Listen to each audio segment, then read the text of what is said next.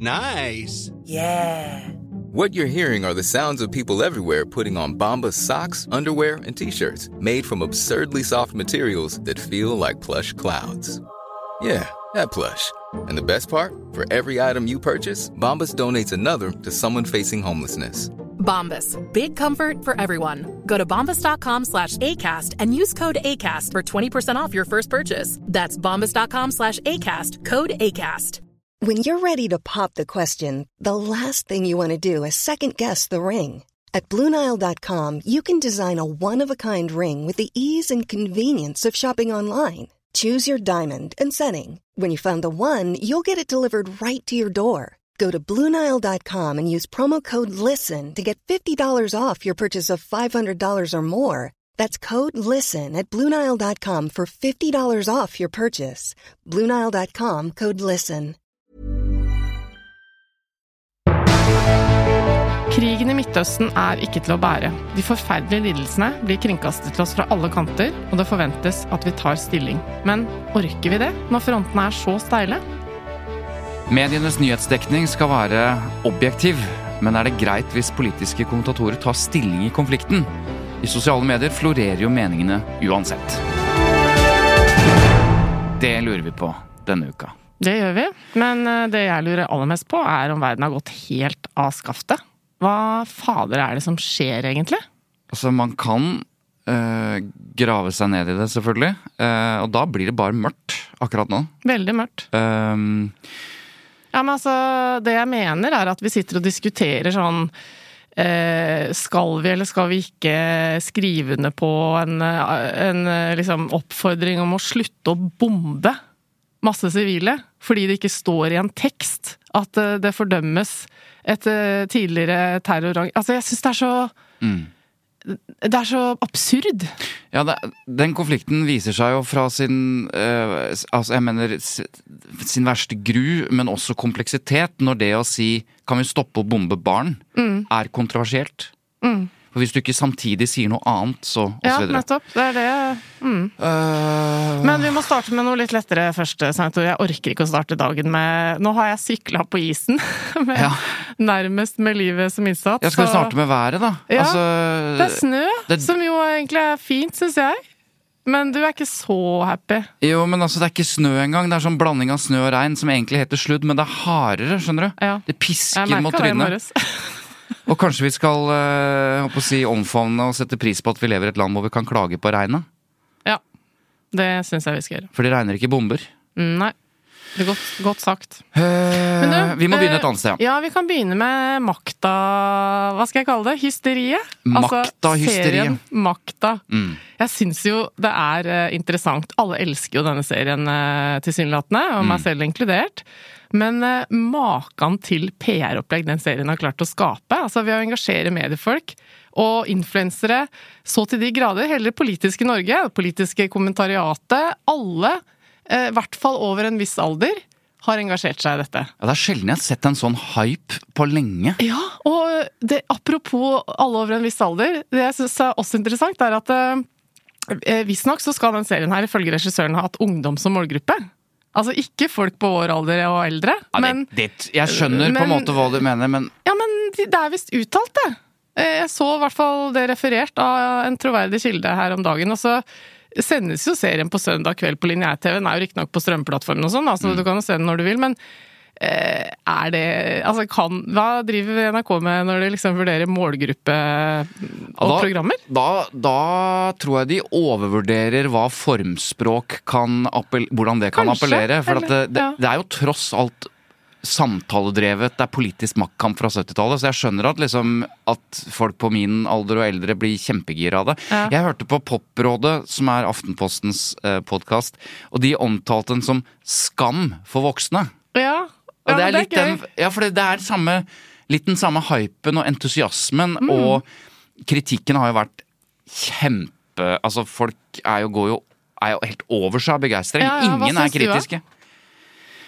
Hva jeg syns? Ja, hva syns du, Svein Tore Bergstuen? Jeg syns den er oppskrytt. Gjør du det? Altså, jeg er, som du veit, en politisk nerd. Ja. Jeg er sånn helt spesielt opptatt av eh, skal vi si, politiske store prosjekter etter krigen. Ja, det, det vil jeg si du er, ja. Jeg er opptatt av sosialdemokratisk historie. Arbeiderpartistaten, som eh, historiker Rune Slagstad kalte den. ja. Ikke velferdsstaten, men Arbeiderpartiet. Arbeiderpartistaten, Ja. den, den dominerende tiden til Arbeiderpartiet. Og jeg har slukt det meste av de politiske biografiene, Det som egentlig du. serien her eh, Mens du sykler, ofte. ja, eh, bygger på. da. Og nå skryter alle av den serien, men jeg syns altså det er så mange svakheter. Jeg klarer ikke å la meg begeistre. Hæ? Så seriøst? Nei, jeg bare kødder.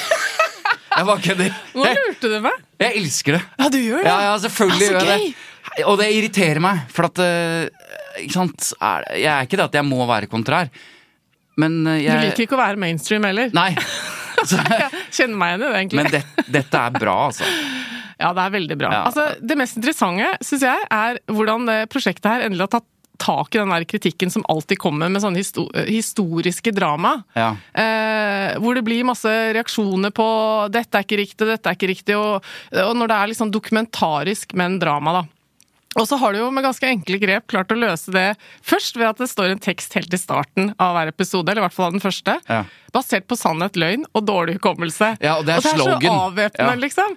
Og så er det sånn øh, øh, De går rundt i Oslo, dette er på 70-tallet, sitter i badstue og kikker ut på operaen og sånn. Det er bare sånn Hæ? Det er helt mindfuck, men Ja. det funker jo så bra. Altså, Det tror jeg at på manusnivå, hvis jeg hadde lest det, så hadde jeg nok tenkt at mm, dette blir krevende. Ja, når det står 'Eksteriør', Operaen, 1974 Ja. det. Og så er det mm, eh, La merke til eh, når jeg så episode to, at det var noe sånn, eh, inter, sånn eh, møteromsgadgets på bordet som jeg ble sånn usikker på. Er den plassert liksom for Altså, er den egentlig Passer den inn på den tida? Det Ja. vet ikke jeg, jeg var for liten til å huske det da, holdt jeg på å si. Men eh, Nei, så er det sånn eh, Så står det Oslo 1974, og så går det et sekund, så kommer det på sånn anførselstegn 1974. Det er så gøy. Eh, Det rareste var at når jeg ikke hadde sett den, så begynte folk å liksom si disse tingene. Da, da, da virket det som noen ikke hadde tenkt at det var en eh, sparkesykkel i bakgrunnen. Før jeg da ser serien, og de, ikke bare er det et, et av de viktigste liksom, Ja. grepene de tar, men uh, på slutten av episode to eller noe sånt, så sitter jo Trond Espen Seim i rollen som Arvid Engen, møbelhandleren, Ja. og kommentere metagrepet. Det var kanskje litt overdrevet igjen, men Ja, jeg syns også kanskje det tipper litt grann over, faktisk. Nå har jeg bare sett to episoder, men eh, jeg syns det er kult. Men jeg håper ikke det blir for Nei. mye av det. det men som det, er, én ting til som Ja. jeg syns er superinteressant. Mm. Eh, fordi jeg la merke til at her har de prøvd å løse et problem.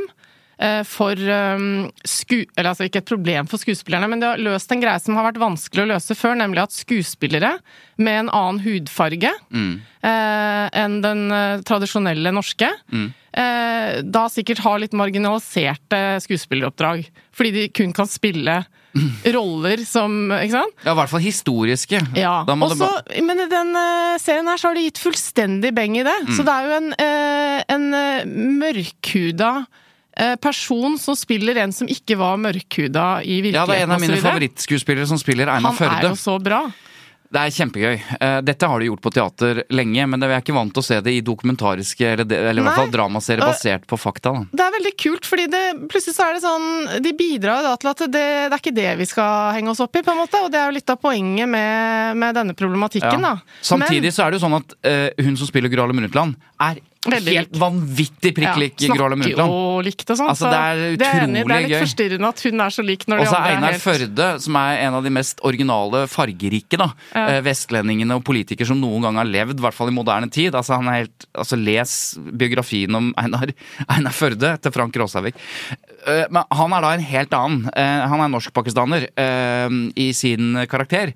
Så det er jo litt vrient å henge med, men de har vel egentlig bare gitt beng i all, alle Ja. sånne regler, da? Ja, gitt beng i det meste, men uh, grunnen til at jeg tok det opp, er at uh, jeg så, jeg husker ikke fra hvem, en reaksjon på dette eh, som handlet om at eh, det var litt klaging over at eh, ja, men dette gir jo den nye generasjonen vår et inntrykk av at eh, vi Mm.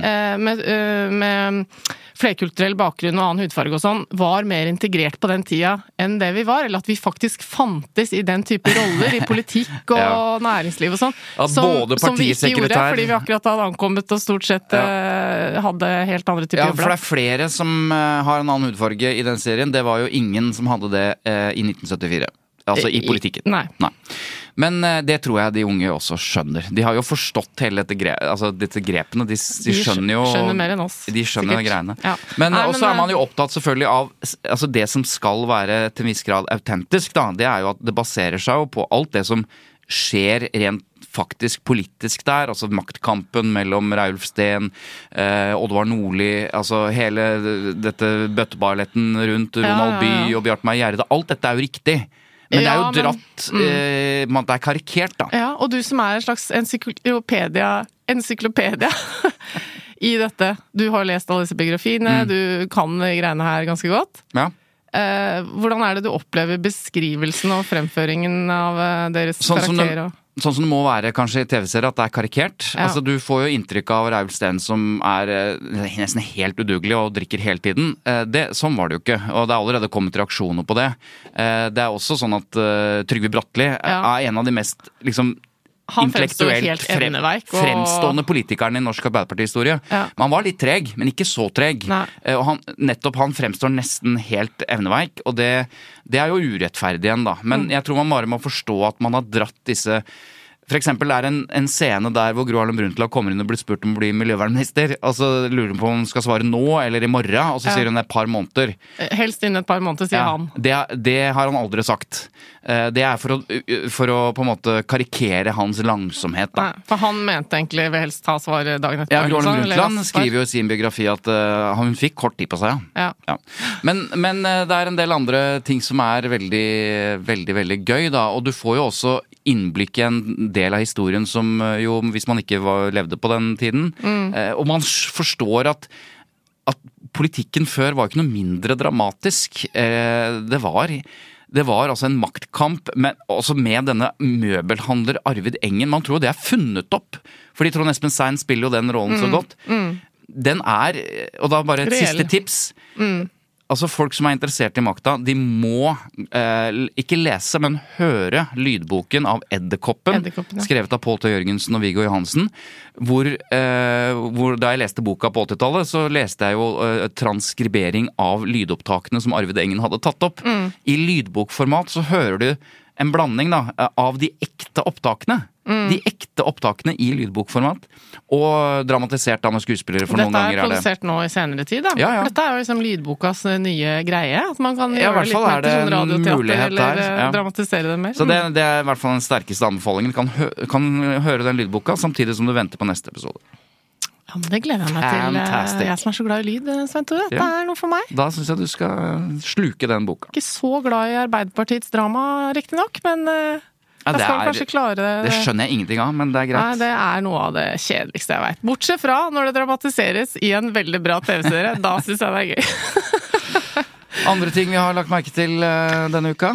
Ja, eh, jeg vil gi honnør til eh, Advokatforeningens leder, og da advokat, Jon Wessel Aas, for utrolig god krisehåndtering. Eh, Ja. Eller krisehåndtering er jo et fagbegrep da, som ikke alle ville tatt i sin munn ellers, men håndtering av en personlig krise. For han ble tatt i um, promillekjøring på vei hjem fra uh, et eller annet sted, hvor han hadde vært på en fest dagen før. Sånn typisk situasjon. Hvor mange timer skal man vente? Ja. Før man kan sette seg bak Den rattet. tabloide versjonen han har kjørt i fylla. Ja, men det er jo det som er liksom Hvis man hadde lest en sak om noen uker uh, om uh, dette mennesket som uh, hadde kjørt til fylla, og du vet åssen overskriften hadde vært, og hvor spekulativt det hadde fremstått Eller sånn. Hvis det var en avsløring. Ja. Derfor eh, Kanskje ikke derfor, men i hvert fall så valgte Jon Weslaas å legge ut en post på sin Facebook samme kveld. Med en gang han kom hjem, tror jeg. Eh, Det var i hvert fall akkurat skjedd. Og, um, og, og skriver absolutt alt. Og det er litt interessant, eh, hvis man, eh, uten at det er noe sammenligning ellers, men eh, hvis man sammenligner det med allikevel med Moxnes og Solberg liksom, Når andre sånne typer situasjoner som er litt sånn flaue, man vet at det kanskje kommer, men man vil helst Man pynte igjen. så mye som mulig på det, eller håper at, og så videre. Og så bare blir det verre og verre, for det kommer nye detaljer, og det bare fremstår ikke bra i det hele tatt. Mens her har han bare liksom Dette skjedde, jeg hadde så mye promille, jeg kom kommer antageligvis til å få sånn straff, jeg fikk en bot, nå har jeg mista lappen for så lenge. Altså, det var sånn Det er jo det er tekstbook krisehåndtering. eh, håndtering, ja. Ja. Og så er det er jo- interessant ja. eh, om det har påvirket eh, dekningen, og min hypotese er ja. Ikke sant? For når du da har alle fakta i en post som du selv legger ut, så blir det jo for, første, for det første ikke feil. Fordi mediene spekulerer i hvordan det har vært, og så vil ikke du svare, og så, så vinkles det litt og sånn. Pluss at jeg tror når du har lagt deg så flat med en gang, så har du ikke så behov for å gjøre det til en sånn avsløring, heller. Nei, altså Nå vet ikke jeg, men, men øh, dette skjedde Altså, han posta jo dette med en gang. Ja. Så det betyr jo at uh, hvis ikke det hadde vært umiddelbar lekkasje fra politiet, så var det ikke noe fare for at media skulle skrive om dette i morgen eller dagen Nei. etter eller neste Nei. uke. Så han gjør det jo på et tidspunkt hvor mediene ikke står over, sånn som mediene av og til gjør med Ja. politiske skandaler. Så står de allerede over og henger og avslører kanskje osv. Her gjør han det, skal vi si, uoppfordret. Eh, og det kan man gjøre av i hvert fall to-tre ulike grunner. For det første så kommer man jo mediene i forkjøpet. Men man, det blir jo kjent i familiære kretser. Det blir, han må jo si ifra til Advokatforeningen i styret der. Ikke sant? sin Så det er jo veldig mange sin. som etter hvert får eh, eh, vite om det. Og det å ikke vite om man skal snakke om det, hvem er det som vet, hvem er det som ikke vet, Kommer noen av de til å lekke? Eh, for eksempel, så du det? unngår jo også det, eh, og det er jo en tjeneste til alle de rundt deg også, for når du, med en gang du poster det på Facebook, så, så senker de skuldrene. Ja, nå er det ute, nå, Mm. Ja. nå kan vi snakke Ja, om det det. godt. Mm. Eh, Men også er det dette med media, da, at de vil jo på et eller annet tidspunkt få, få vite det, men nå fikk de vite det med en gang. Og jeg ja, ser jo på de selv. sakene. Det står eh, 'innrømmer promillekjøring'. Mm. Eh, fortsatt tillit til Jon Wessel Aas trass promillekjøring. Eh, Advokatforeningen skal ha møte om lederens promillesak. Så det er en veldig sånn, skal vi si, nedtonet, Ja, det er dekning av det. Jeg tror uh, ikke nødvendigvis at det hadde blitt sånn hvis de hadde fått uh, nyss om dette gjennom en, uh, et tips fra en eller annen som var på fest med Vesselås, og han kom uten bil. Viser seg at han ikke har lappen, dette burde dere finne ut av. Ja. Og så hadde de liksom funnet ut av Ja. det. Og helt til slutt så er det jo Det er jo et alvor i dette. Altså Det Absolutt. å kjøre med promille er meget alvorlig, og det legger jeg merke til også at øh, venner av han, eller folk på Facebook, de gjør to ting. De sier ja, dette var kjempedumt, dette er en alvorlig liksom feil, men honnør for åpenheten og lykke til og bla. Og så er det på en måte ferdig. Ja. Det er ferdig. Samtidig som veldig mange kjenner seg igjen i den situasjonen, da. Men han har jo gjort en dårlig vurdering og kjørt for tidlig. Ja. å si. Ja.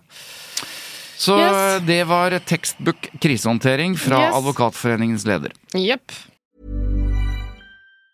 Hey, it's Ryan Reynolds, and I'm here with Keith, co star of my upcoming film, If, only in theaters, May 17th. Do you want to tell people the big news? All right, I'll do it. Sign up now and you'll get unlimited for $15 a month and six months of Paramount Plus Essential Plan on us. Mintmobile.com slash switch. Upfront payment of $45 equivalent to $15 per month. Unlimited over 40 gigabytes per month. Face lower speeds. Videos at 480p. Active Mint customers by 531.24 get six months of Paramount Plus Essential Plan. Auto renews after six months. Offer ends May 31st, 2024. Separate Paramount Plus registration required. Terms and conditions apply if rated PG. Many of us have those stubborn pounds that seem impossible to lose, no matter how good we eat or how hard we work out. My solution is PlushCare. PlushCare is a leading telehealth provider with doctors who are there for you day and night to partner with you in your weight loss journey. They can prescribe FDA-approved weight loss medications like Wagovi and Zepbound for those who qualify. Plus, they accept most insurance plans. To get started, visit plushcare.com slash weight loss. That's plushcare.com slash weight loss. Eh, Skal vi da bevege oss inn i det mørke? Det er vel ingen vei utenom når vi har bestemt oss for å se på og diskutere mediedekningen da, Ja, av, eh, av Israel-Hamas-konflikten og krigen. Først eh, og fremst har jeg lyst til å si en eh, viktig ting som jeg har tenkt litt på, som jeg vil gi honnør til mediene for. da. Jeg syns de klarte veldig raskt eh, i denne krigen, eller hva vi da skal kalle den, eh, å kalle den krigen mellom eh, Israel og Hamas, og ikke krigen mellom Israel og Palestina. Som det bare slo meg, for veldig ofte så tar det lang tid før medie eh, massen klarer å kalle ting eh, riktig. Altså den krigen mot terror det er alltid sånn, De får alltid sånne overskrifter i de ulike avisene. Så det syns jeg var bra, da. Ja, at de var ganske raske med det. Og kompleksiteten i denne konflikten, som har vart eh, avhengig av hvordan man ser det, i tusenvis av år eller, eh, eller over 50 år, eller hva det måtte være man tar som nullpunkt, så er jo den så kompleks at det å snakke om Palestina, Israel, Midtøsten-konflikten uten å tydeliggjøre hvem som står bak, liksom. I dette tilfellet Hamas 7. oktober og terrorangrepet, og da Israels eh, bombing av primært Gaza, da. Ikke Vestbredden. Så det er jo eh, Altså, hele konflikten er kompleks, både hva gjelder liksom eh, hva som har skjedd historisk, men også hvem som styrer. De palestinske selvstyremyndighetene, liksom. Hvem er det? Ja, det er jo en fellesbetegnelse for både Fatah, som er den mer liksom moderate kreften, og den mer islamistiske Hamas-bevegelsen. Så ja, det er veldig viktig at mediene gjør sitt for å oppklare en del ting Ja. her, da. Men uh, i forlengelsen av det jeg sa, så er det litt interessant, for det har også fått meg til å tenke, selv om jeg syns det er bra, så lurer jeg på er det egentlig riktig? For nå har jo hele krigen utviklet seg. Og nå er det jo ikke i realiteten en krig mellom Israel og Hamas, for nå har jo Israel gått til angrep på palestinere. Så derfor så blir det jo litt sånn Ja, feil igjen. Absolutt. egentlig. eh, fordi de mener at Hamas gjemmer seg eh, på Gaza, og det er ingen vei utenom. Skal de utslette Hamas, Ja. som du jo har, Og det har sagt, de ikke lov til. så bomber de nå så mye at drapstallene, eller dødstallene og, og sånn, det er, det er helt absurde størrelser. Så det er klart at de kriger jo ikke mot Hamas-soldater. De slipper bomber akkurat. der de mener de er, og det får enorme konsekvenser for sivilbefolkningen. Nei, det er helt uh, Altså, i motsetning til den angrepskrigen som uh, var mot Ukraina, der vi knapt hadde noe uenighet, egentlig. ikke sant? Det var litt sånn uh, noen stemmer som prøvde å belyse Legge skylda på Nato. Ja, eller, Ja. legge- eller belyse Russlands historiske perspektiv, og noen kritiserte Klassekampen for å Mm. presentere det litt for mye for oss og sånn. Men og kort oppsummert så var alle i Norge enige eh, om å stå på Ukrainas side. Mens her er det blitt veldig betent. Her er Ja. det vanskelig. Det er, det er, det er liksom eh, Folk tør jo knapt å uttrykke hvilken side de står på. Nå begynner det å komme litt mer til overflaten da, i alle kanaler. Men det har vært, eh, i mye større grad enn ellers, masse folk som vanligvis mener noe om det meste. På Facebook og i sosiale medier og sånn, som er stille. Og så blir det en kritikk mot det. Hvorfor snakker dere ikke nå? Hvorfor tar dere ikke stilling nå? Og så syns jeg det er interessant at uh, man er så forvirra fordi man uh, ikke er kunnskapsløs nødvendigvis, men det er en så komplisert historie fra de siste 75 åra at det er nesten vanskelig å vite om du har oppfatta alt riktig og sånn. Så det er derfor litt vanskelig å ta stilling. Og så er det, ja. Mediene skal presentere objektivt, som du sa i innledningen, eh, tingenes eh, tilstand og hendelsene og sånn for oss. Og så er det kommentatorer som driver med ting og, og, og forklarer oss ting. Men så er det jo en hel haug av andre stemmer. Så det som har slått meg det siste nå, er at jeg vet ikke om media er så viktig her som de vanligvis er. Jeg føler at det er egentlig en sånn mash-up av Mm. Påvirkning fra alle kanter. Og det jeg lurer på er, hvem er det egentlig mest som påvirker oss nå? Hvem til er å ta stilling Mm. i denne krigen her. Og da mener jeg tradisjonelle medier på print og på nett og sånn, så er det jo kringkasting og TV, og så er det radio og podkaster, og så er det jo de andre sosiale Mm. mediene. Og spesielt tenker jeg på de unge, som jo altså Her tror jeg er ganske lik de unge, da, for en gangs skyld. ja, for du følger nyhetsstrømmen i sosiale medier. Ja, ikke bare, men jeg er i hvert fall ikke sånn at jeg får med meg absolutt alt av kommentarer i de store avisene, fra de kjente kommentatorene, alltid. Og jeg eh, ser ikke alle debatter, og har ikke på TV-en hver kveld og følger med på, ikke sant. Det er random, da. Så veldig mye av dette kommer til meg gjennom andre Det er andre redaktører, da. Redaktører i sosiale medier som velger for meg. Men det er jo? Ja, jeg skjønner det, det Men la oss skille jeg skal bare si en ja. til, og det er at jeg er ikke på TikTok og sånn. Nei, jeg skjønner Men de som er der, der lurer jeg i hvert fall på hvem som påvirker dem. Ja, det tør jeg nesten ikke å tenke For det på er bare hvem er det som bruker mest ressurser på å være aktive der. Men la oss bare dele opp i hvert fall i to, da. Eh, Det ene er nyhetsdekningen og nyhetsjournalistikken rundt hva som faktisk foregår. Mm. Den er jo ikke helt uproblematisk, den heller, selv om eh, der stoler jo jeg på, og de fleste av oss som er kjent med media i Norge, at de gjør alt de kan for å, ha en, for å fortelle sannheten. For på et eller annet vis. Vi vet jo, vi har jo venner på grensa til eh, Gaza som jobber som utenriksjournalister, eh, og som Det er ingenting de heller vil enn å prøve å finne ut av Eh, Hva er det som skjer? Kan vi dokumentere det? Kan vi bringe det videre? Så den objektive nyhetsjournalistikken, der, som ikke er meningsbærende, da, men nyhetsjournalistikken, eh, den har også et problem fordi de ikke kommer inn. Sant? At du, er, du får ikke vært til stede der eh, de største ødeleggelsene og de største tapene er. Det er utfordringen der, men selvfølgelig så er det fortsatt noen på innsiden som rapporterer. Eh, når internett kom opp igjen, så kom det plutselig veldig mange bilder av bombingen osv. Eh, men Altså, det det er oppda- jeg bare skal si Ja. det, det er oppdaterte tall fra IDF nå. Det er 1900 journalister fra verdenspressen i Israel akkurat nå. ja, I Israel. Inne i Gaza. Ja. Og de ti tror jeg ikke engang er internasjonale. De tipper jeg er eh, ikke nødvendigvis eh, palestinere som er bosatt vanligvis på Gazastripen, men jeg tror Ja. ikke det er mye amerikanere og nordmenn og Nei, og da blir alt eh, vanskelig òg, ikke sant. Og det betyr at hvis du er i Israel som nyhetsjournalist, så må du også dekke det som skjer i Israel. Det er der du er. Mm. så, så det er det ene utfordringen, i hvert fall når vi snakker om skal vi si, balanse, da. Og så er det den andre utfordringen. Det handler jo om eh, skal vi si, meningsjournalistikken. Altså kommentarer og de som kommenterer og skal prøve å sette dette i perspektiv. Eh, det er det vi, kaller for analyse, liksom, kommentarene. Og de rent meningsbærende kommentatorene. De som mener noe om Israel eller Palestina eller Hamas. Ja, for eh, Hanne Skartveit i VG har jo fått eh, mye kjeft denne uka. Hun er politisk redaktør i VG og har vært i Israel. av- Hun har nylig vært i Israel, ja. Eh, eh, Ikke som nyhetsreporter, men bare vært der og, dekket eh, konflikten som kommentator. Mm. Hun er jo, så vidt jeg vet, leder for kommentaravdelingen også, i tillegg til å være politisk redaktør. Uansett, eh, hun har fått kjeft, blant annet av Magdi Omar i Karpe. Mm. Eh, Han er jo ikke noen hvem som helst, han er jo engasjert eh, i samfunnsdebatten ofte. Og han satt jo også i Ytringsfrihetskommisjonen, så han er jo veldig engasjert i den typen problematikk. Eh, Og i et innlegg på Instagram, flere innlegg for så vidt, da, eh, men spesielt ett, så går han da ut mot eh, VGs politiske redaktør, skriver at han har lest gjennom alle offentlig tilgjengelige kommentarer som Skartveit har skrevet om Israel de siste 17 årene. Jeg vet ikke om dere forstår alvoret, VG, skriver han.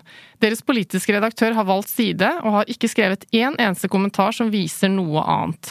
Når hun blir hyllet av radikale Israel-venner som den eneste rasjonelle stemmen i debatten om Midtøsten, bør flyalarmen ringe i Akersgata. Men det er skremmende stille, skriver han. Og Omar mener jo altså at Skartveit er Israel-venn, og at hun har valgt side i Midtøsten-konflikten, og, og så videre. Og spørsmålet er har hun det, og i så fall er det et problem. Og han har jo fått enormt mye støtte. altså Det er veldig mange som har delt dette innlegget. Eh, Du snakket jo litt for litt siden om hvem er det, vi, liksom, hvem er det som leses og høres på. Er det mediene vi følger som, som er med på å forme våre meninger? Eller og hva mener de unge? Det er klart at en fyr som Magdi, med den gjennomslagskraften han har, eh, så er det jo veldig mange som lytter til han. Så det at han kaster seg inn i debatten, det det får betydning, og det har jo han VG har jo også. engasjert seg på palestinsk side av denne debatten lenge. Han, han er jo på demonstrasjoner og eksempel intervjuet av VGTV og ja. Mm. Men det er jo den mediekritikken han nå eh, fremsetter, eh, den er skarp, og den er veldig, veldig tydelig. Og VG forstår jo kraften i den, og derfor har jo også Hanne Skartveit svart på det ved å skrive en ny kommentar eh, hvor hun eh, ja, eh, tar avstand fra Eller prøver å si at dette er en veldig, veldig kompleks eh, eh, konflikt. Eh, og hun mener jo at hun, hun står for hvert eneste ord hun har skrevet. Eh, men det er jo interessant. Det er ikke så ofte at skal vi si, kulturpersonligheter, folk innenfor Det er i hvert fall forfriskende når de engasjerer seg, syns jeg, da. Ja, ikke bare det, for det gjør man jo ofte, men at man også går og, og liksom går på Nasjonalbiblioteket, leser alle kommentarer for å på en måte belegge poenget sitt eh, enda tydeligere, da. Men han er ikke den eneste som har uh, gått inn i dette Skartveit-universet. Nei. Anders Våge Nilsen er en som uh, har skrevet en, faktisk en slags tekstanalyse av den kommentaren. Og det må jeg si, det er sjelden jeg leser ting som er Altså, den kritikken der, er, den er knallhard. Altså, den er hardere og mer Enda mer presis, hvis jeg kan si det, av den, eh, av den kommentaren til eh, VGs politiske redaktør. Og mer, eh, hva skal jeg si, mer akademisk, fordi den drar noen paralleller til i, i litt interessante ting eh, fra Jens Bjørneboe osv. Anders Våge Nilsen, velkommen til Tut og Mediekjør. Tusen takk. Kan du først si, hva er liksom hovedgrunnen til at du tok eh, pennen fatt, eh, si, og, og, endte opp med en så sviende eh, kritikk av, ja, av politisk redaktør i den største avisa i, i Norge? Hva var grunnen til det? Jeg har jo min, I mine unge år var jeg journalist og jobbet i Bergens Tidende, og jeg er opptatt av at eh, redaktørstyrte medier har en veldig veldig viktig rolle, særlig i den type situasjoner vi er midt oppe i akkurat nå. Og når jeg leste Hanne Skartveits artikkel der hun hadde vært på et eller annet arrangement i regi av det militære, altså israelske militæret og fått se på videoer som de nøye hadde kuratert, eh, uten å få vise disse videoene, og bare skal gjengi dem med tekst, så skjønte jeg at hun har vært utsatt for et eller annet eh, type arrangement som har til hensikt å, å, å påvirke henne emosjonelt. Resultatet av den eh, opplevelsen var en tekst som er totalt uten noen metaperspektiver på hva hun har vært med på, som nærmest ordrett gjengir den militære overmaktens narrativ i konflikten.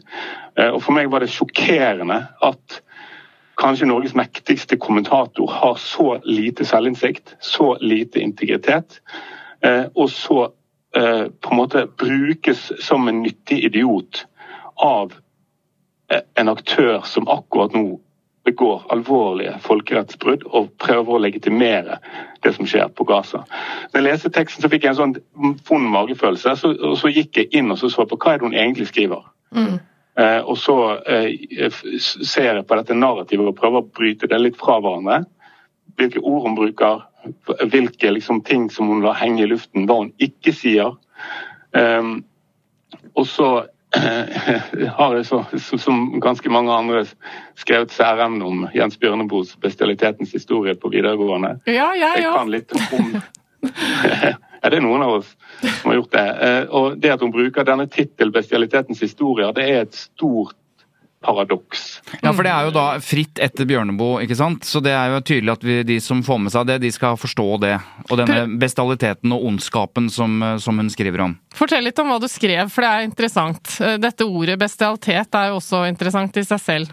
Ja, altså, hun, hun, hun, er veldig opptatt av altså, ord ondskap. Sant? Det er knyttet til nærmest litt sånn der, knyttet til bibelhistorien. Hvem er ond og hvem er god i denne fortellingen? da, som Hun er veldig opptatt av. Hun plasserer ondskapen på palestinsk side, på Gaza, i, i, i, i tunnelene under Gaza. Mm. Eh, I den mørke underverdenen i Gaza. Eh, dette er liksom dette narrativet om, om Hamas, som er den onde i denne eh, fortellingen som hun spiller opp. Og det som er interessant, er at, at, at Bjørneboe han var jo opptatt av at ondskapen en måte, den, kapasiteten bor jo i alle mennesker. Den finnes overalt. Og den muliggjøres av strukturer, maktstrukturer og ulike narrativer som, som, som gir eh, eh, ondskapen spillerom. Og hans når, Han var jo notorisk kritisk til formyndermennesker, folk med makt, som lar seg lede av denne type fortellinger, som ikke har den integriteten og, og si, det, det, det eh, den empatien kan du si, og, og åpenheten eh, for at de sjøl er en del av de strukturene eh, som man, man, snakker om. Mm. Eh, og Hannes Gatvedt er aller største grad en del av maktstrukturene som muliggjør det forferdelige som skjer på Gaza. Kan, kan... som hos alle. Eh, mm. Hun er en privilegert hvit kvinne som har ganske sterke bånd til, til, Israel. og Det har jo også Magdi dokumentert. Og, altså, hun har over lang tid lagt bak seg en brødsmulesti som viser hvor, hvilken posisjon hun har i denne konflikten. Så akkurat nå så syns jeg at Hanne Skartveit undergraver den veldig gode nyhetsjournalistikken som VG, Norges viktigste nyhetsmedium, bedriver, så har de en kommentator, en politisk redaktør, som, som rammer inn den journalistikken på en måte som rett og slett er i minnene veldig skadelig for mm. VGs troverdighet. Du, får jeg spørre deg, eh, Anders, fordi det er uh, mennesker som leser denne teksten til Anne Skartveit, som, som, ikke har den refleksjonen du har, og som ikke mener det du har, men mener tvert imot at det var på tide at vi fikk de ordentlige beskrivelsene av bestialiteten eller terroren, eller kall det hva du vil, som Hamas begikk eh, i Israel 7. oktober. Eh, det har blitt sammenlignet her hjemme med vår egen liksom, 22. juli. Det er bare enda mer eh, omfattende. Eh, vi vet hvordan det har preget vårt land eh, i mange, mange år.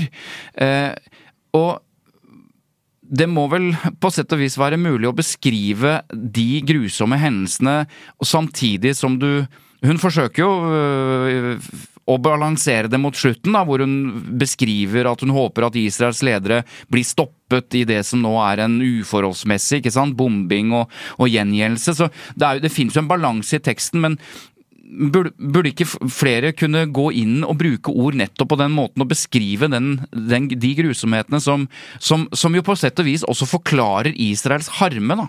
Uh, ja, helt Og det som har skjedd 7.10, var helt grusomt. Det var, det, var, det, var en, det var, en, grusom krigsforbrytelse. Det var umenneskelig.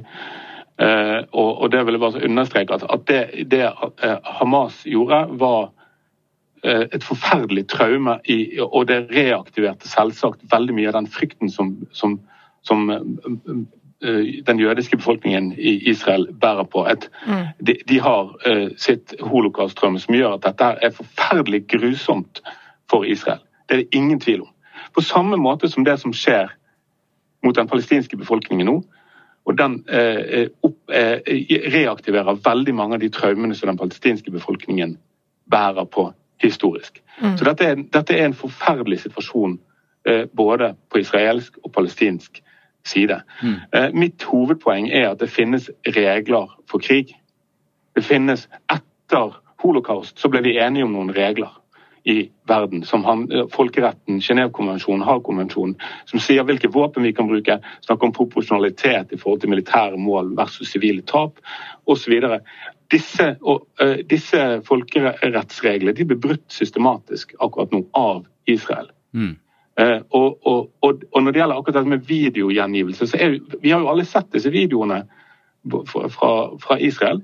Men vi har også de siste ukene sett bestialske videoer fra, fra palestinsk side.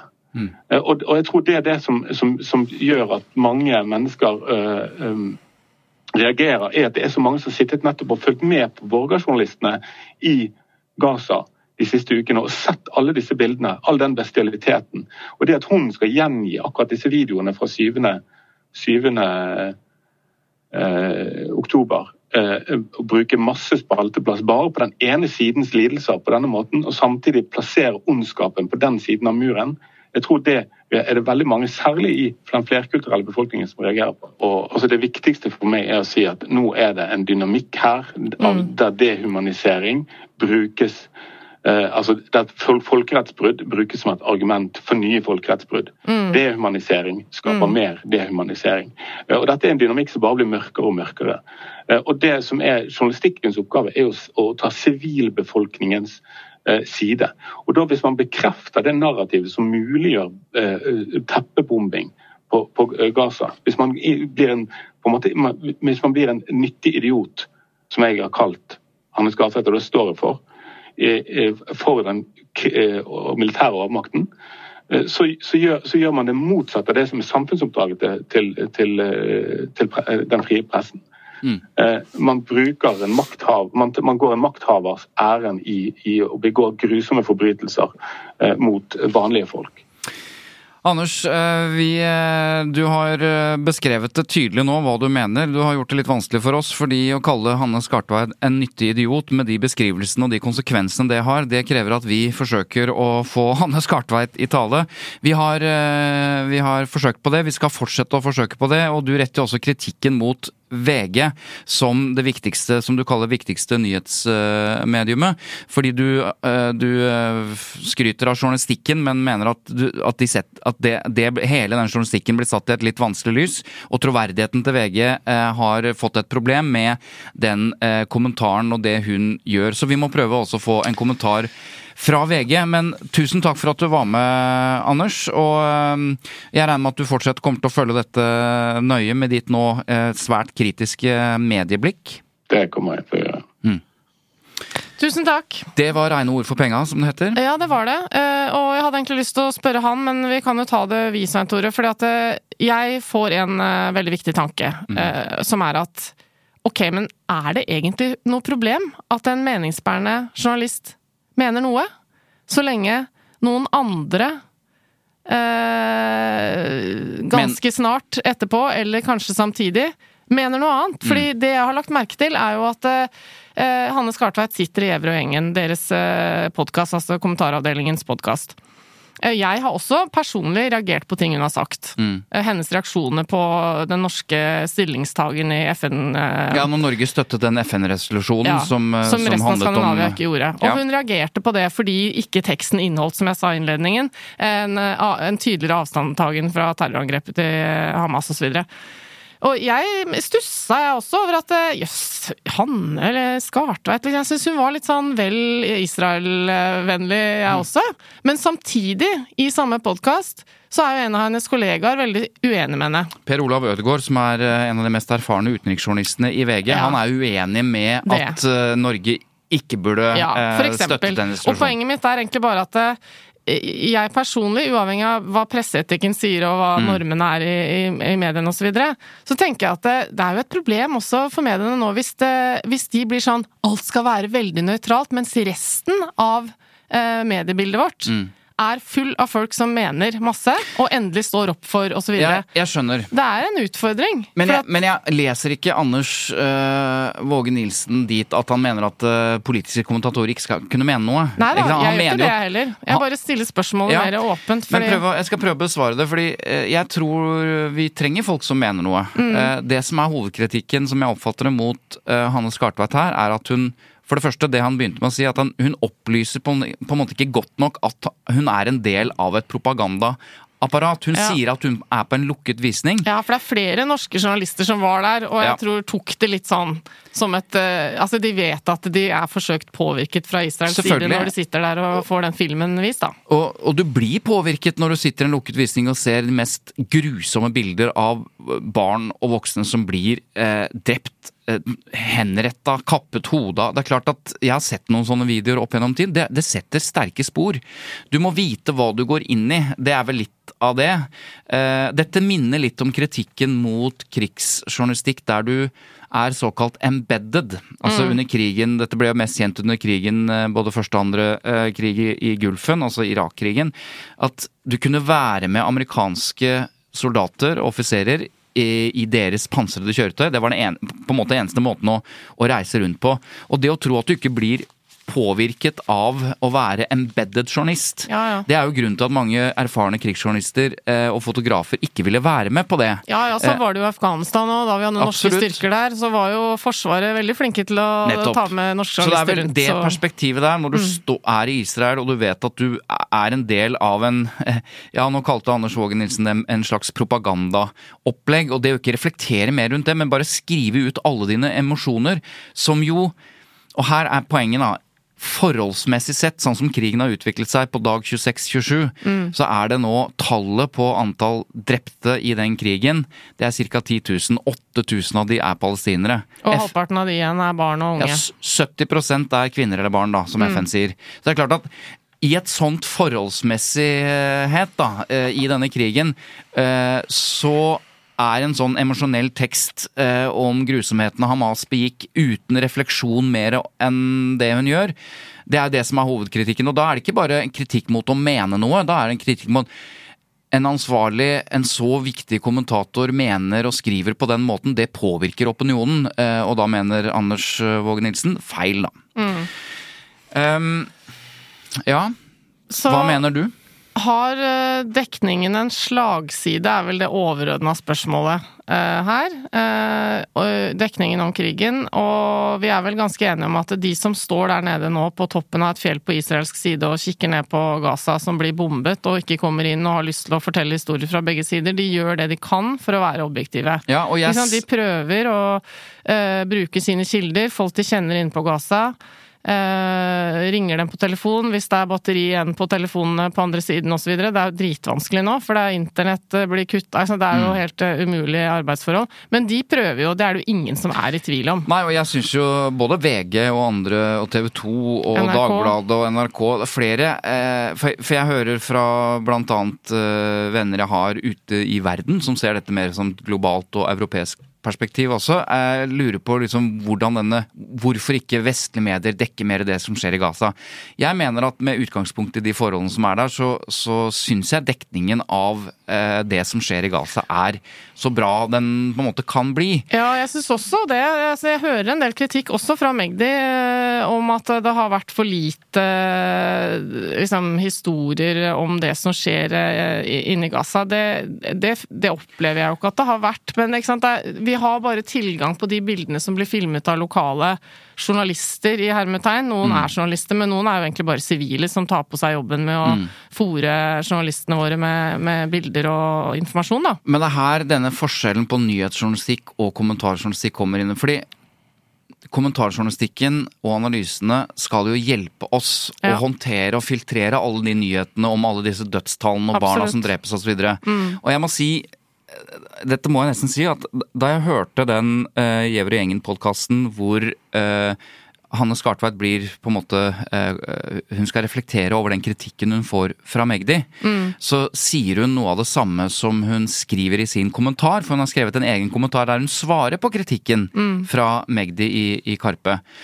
Og jeg synes at Da gjentar hun dette her. Begge parter har lidd opp gjennom historien. Begge parter har gjort store feil og begge har en berettiget frykt for den andre. Det er en slags det mange vil kalle da, en veldig veldig falsk balanse. Det å sette det opp at begge parter ditt og begge parter datt. Fordi det er, det er rart at ingen i den diskusjonen i hele den eh, podkasten i kommentaravdelingen eh, retter opp det som er en falsk balanse, ikke sant? Eh, som alle jeg kjenner er opptatt av. Eh, og det er de tallene vi var inne på. Mm. De enkle tallene hvor mange palestinske sivile er drept og skadet. Ikke bare de siste tiårene, som jo er forholdstallet der er helt grusomt, men også i denne konflikten. Det som i hvert fall er litt eh, viktig, er å gi honnør til de som er på jobb, prøver å fortelle historiene til oss, prøver å rapportere hjem. Og vite at de prøver, som regel, da, å mm. skaffe seg så god oversikt som eh, mulig og være nøytrale. Og jeg tror de tenker litt sånn sammenlignbart med det som vi ofte snakker om med tilsvar og sånn, at de vet jo at ok, nå skal jeg lage en reportasje uh, om en uh, person i Israel som har mistet en i terrorangrepet. Da kommer jeg til å få hat og meldinger fra alle som mener at jeg er Israel-vennlig. Mm. da må jeg jo i, morgen, eller noe sånt, lage en annen artikkel. De prøver jo å balansere i sin nyhetsdekning over tid, men det er jo umulig å lage ethvert innslag balansert. Ja, ja. Ikke sant? Går, og, men de får jo helt sinnssyke reaksjoner etter hvert innslag. Mm. Det er 33 journalister og mediearbeidere som er drept eh, i løpet av denne månedslange krigen. Ja. Mm. Og det er jo noe av eh, problemet. Eh, at da kan du ikke insistere på at eh, journalister skal reise inn heller. Nei, det er det, ikke sant. Jeg tror selv om noen hadde funnet et smutthull, fordi sånn, sånn opererer jo enkelte journalister noen ganger. At de går til fots inn i Afghanistan når, når resten av journaliststanden drar ut osv. Her er det hermetisk lukket, det er ikke mulig. Mm. Men om man så hadde klart å snike seg gjennom en eller annen tunnel, så er det jo livsfarlig, fordi du kommer ikke nødvendigvis ut igjen da. Nettopp. Og eh, da er vi egentlig tilbake igjen til liksom, totalen. altså eh, F.eks. da i dette tilfellet VGs totale dekning. Mm. Eh, som de nå også har blitt flinke til å forklare. De har jo denne siden hvor de forklarer mm. sine redaksjonelle vurderinger. Mm. Men eh, den kritikken som Anders Våge Nilsen kom med, både skriftlig og nå til oss i Tute Mediekjør, den var knallhard, eh, Eva. Mm. Eh, og velbegrunnet, for så vidt. Men han kaller Hanne Skartveit, politisk redaktør i VG for en nyttig idiot uh, for Israel. Uh, og det begrunner han, og han mener at hennes kommentarjournalistikk og hennes meninger går ut over troverdigheten til hele VG og VGs journalistikk. Det må VG få svare på. Vi har mm -hmm. forsøkt å komme i kontakt med Hanne Skartveit. Nå har ansvarlig redaktør i VG tatt kontakt og ønsker å kommentere den kritikken. Da. Ja. Og, det er bra det at de svarer, selv om jeg syns eh, personen selv burde svart, og ikke sjefen. Men det får de velge. Det får de velge. Ja. Få høre, da, hva han sier. Gard Steiro, hvordan eh, reagerer du på den kritikken som, eh, som kommer her? Jeg oppfatter kritikken som todelt. Den første går jo på Hanne Skartveit sine, sine tekster. Og det tror jeg Hanne Skartveit kan svare for sjøl, og hun har òg eh, svart på denne kritikken. Eh, og så går kritikken også liksom på hele hvordan dette påvirker VG sin nyhetsjournalistikk. Og der vil jeg da igjen, og det vet jeg at Anders Våge Nilsen eh, vet godt, at det er et veldig tydelig skille mellom nyhetsjournalistikk og meningsjournalistikk i norske redaksjoner.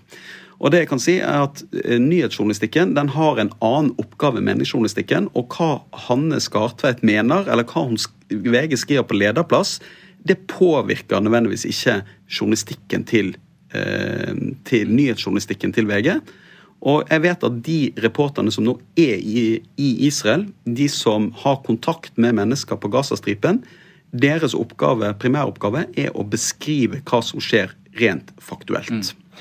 Nå sier ikke Våge Nilsen at det påvirker nyhetsjournalistikken. Han sier at det påvirker troverdigheten til den journalistikken eh, som VG bedriver. Hva tenker du om det? Det forstår jeg, og det tror jeg er noe vi må være bevisst på. For i redaksjonene så er dette skillet veldig klart.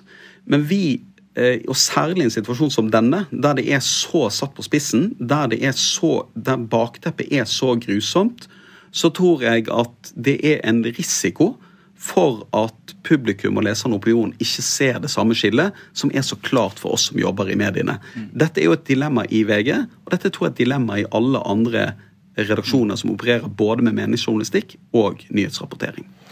Du har undersøket flere ganger at uh, kommentatorer som skriver i VG, er jo skriver sin egen mening. Mm. Men Hanne Skartveit er politisk redaktør, har også uh, det delegerte ansvaret for lederen i VG, altså VGs uh, standpunkt, VGs mening. Er det like stor frihet for Hanne Skartveit til å skrive sine egne meninger som Astrid Mæland, Hans Petter Sjøli eller hvem som skriver i VG, når hun har den rollen? Ja, og Her skal jeg prøve å være litt prinsipiell. Min rolle som sjefredaktør det er ikke å sørge for at alle som skriver i VG, er enig med meg. Min oppgave som sjefredaktør det er å sørge for at det er frie stemmer i mediene.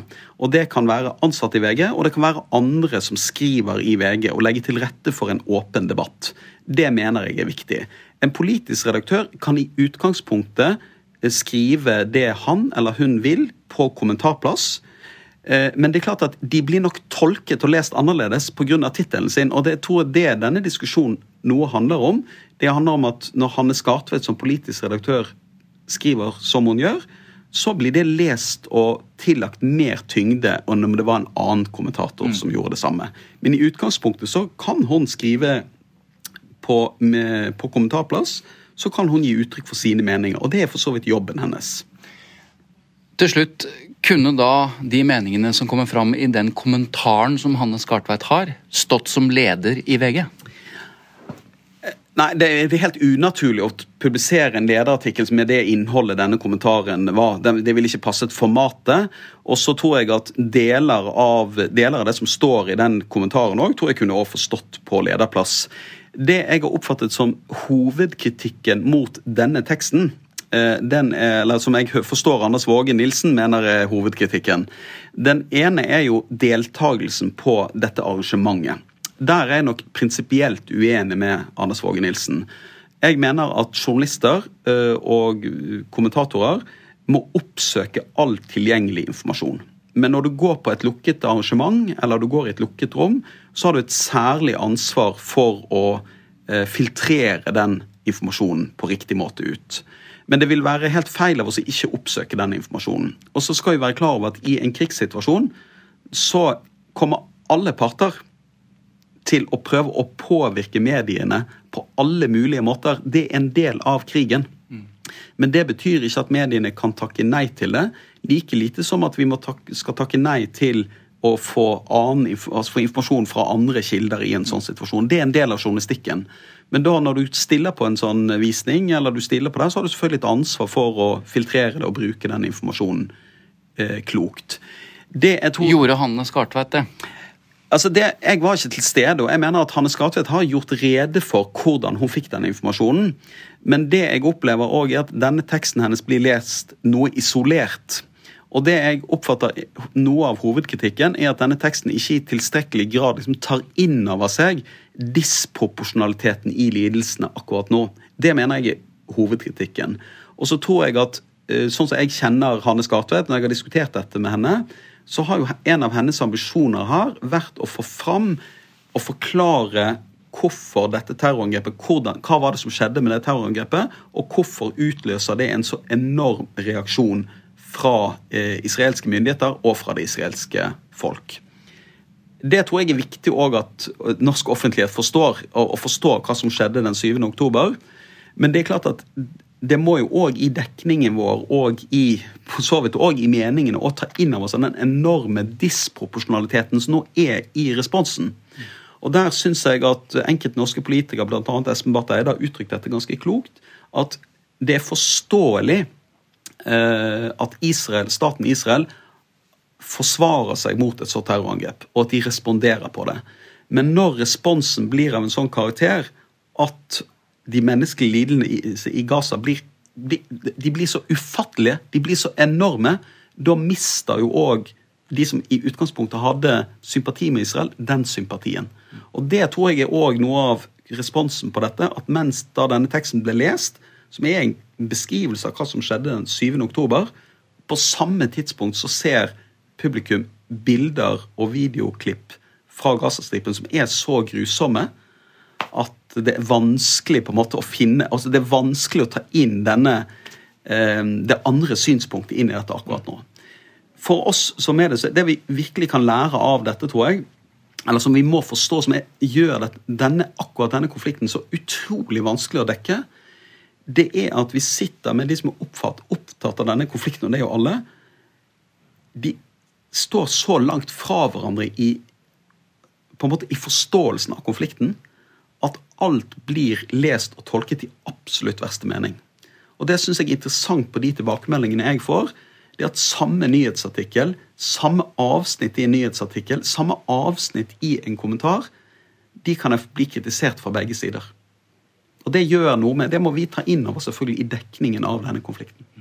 Det sa eh, VGs eh, ansvarlige redaktør som svar på kritikken som har vært ganske massiv da eh, mot eh, Hanne Skartveit sin kommentarjournalistikk. Og da tenker jeg at jeg skal la den stå uimotsagt, og ikke komme med noe polemisk replikk til det svaret. det sier presseetikken at ikke er så bra. Nettopp. Så vi lar det være med det. Ok, og da hva, hva, gjør vi nå da?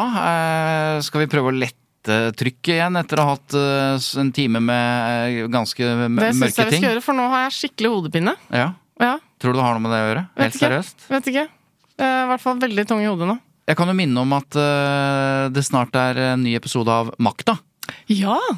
Når, ja, på søndag, ja. På søndag. Ja. Jeg er litt Hva misunnelig. tror du skjer da? Jeg er litt da nå er vi sånn rundt valget i 77. Ja, det er vi for så vidt Ja, ferdig vant, med. De holdt på å tape, vant. Det var også fakta, ikke sant? Du Ja, vet at de fant 30 stemmer oppe i Nord-Norge. Ja, det er eh, egentlig 50, tror jeg, som de Ja, fant det var 30 SV-stemmer oppe i Nordland. Ja. Men i hvert fall, det er Som jo gjorde at eh, det, det bikka over til, til sosialistisk eh, flertall. Ja, Mm. så det ble Oddvar Nordli som ble statsminister, da. Men eh, det som irriterer meg litt, som jeg er litt misunnelig på, er at eh, som du sa, denne PR-virksomheten som denne serieskaperen har drevet ved å gi ut episodene og skape føss blant influensere og kommentatorer, og det har blitt sånn hype. Ja. De har jo fått se de seks første episodene! Ja.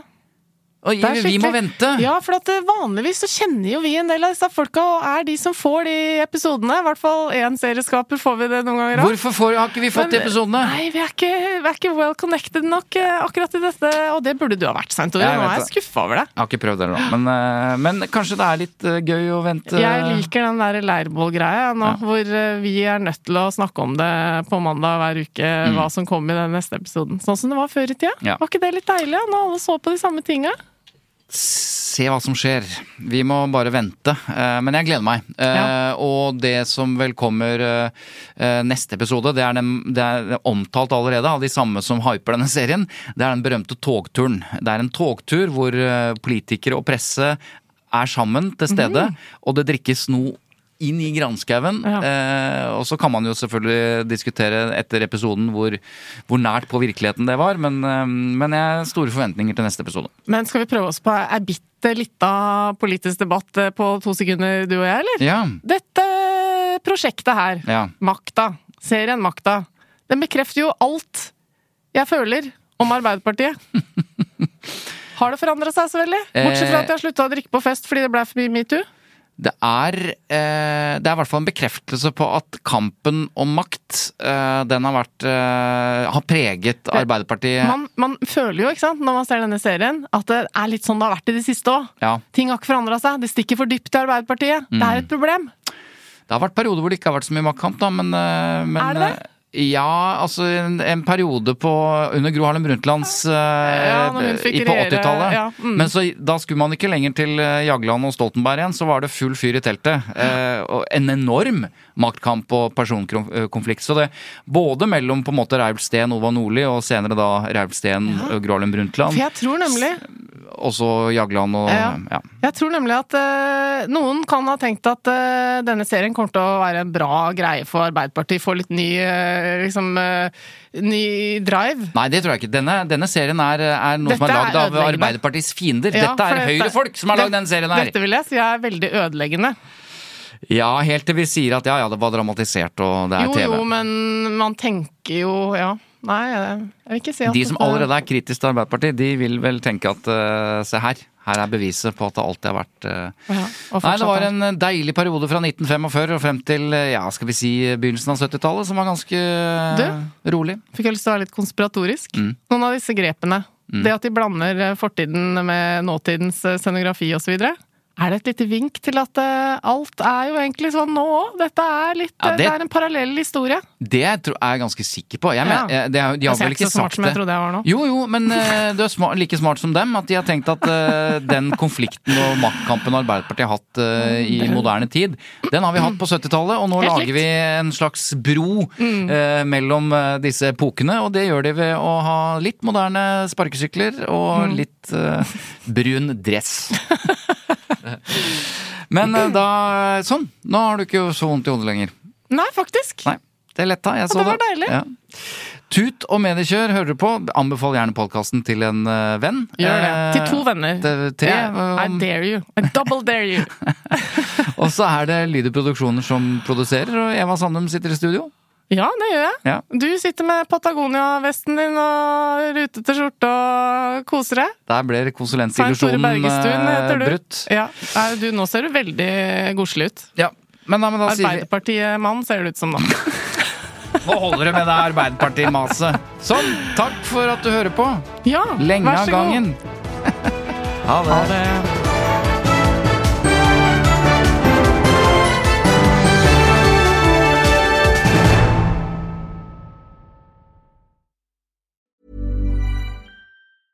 Planning for your next trip?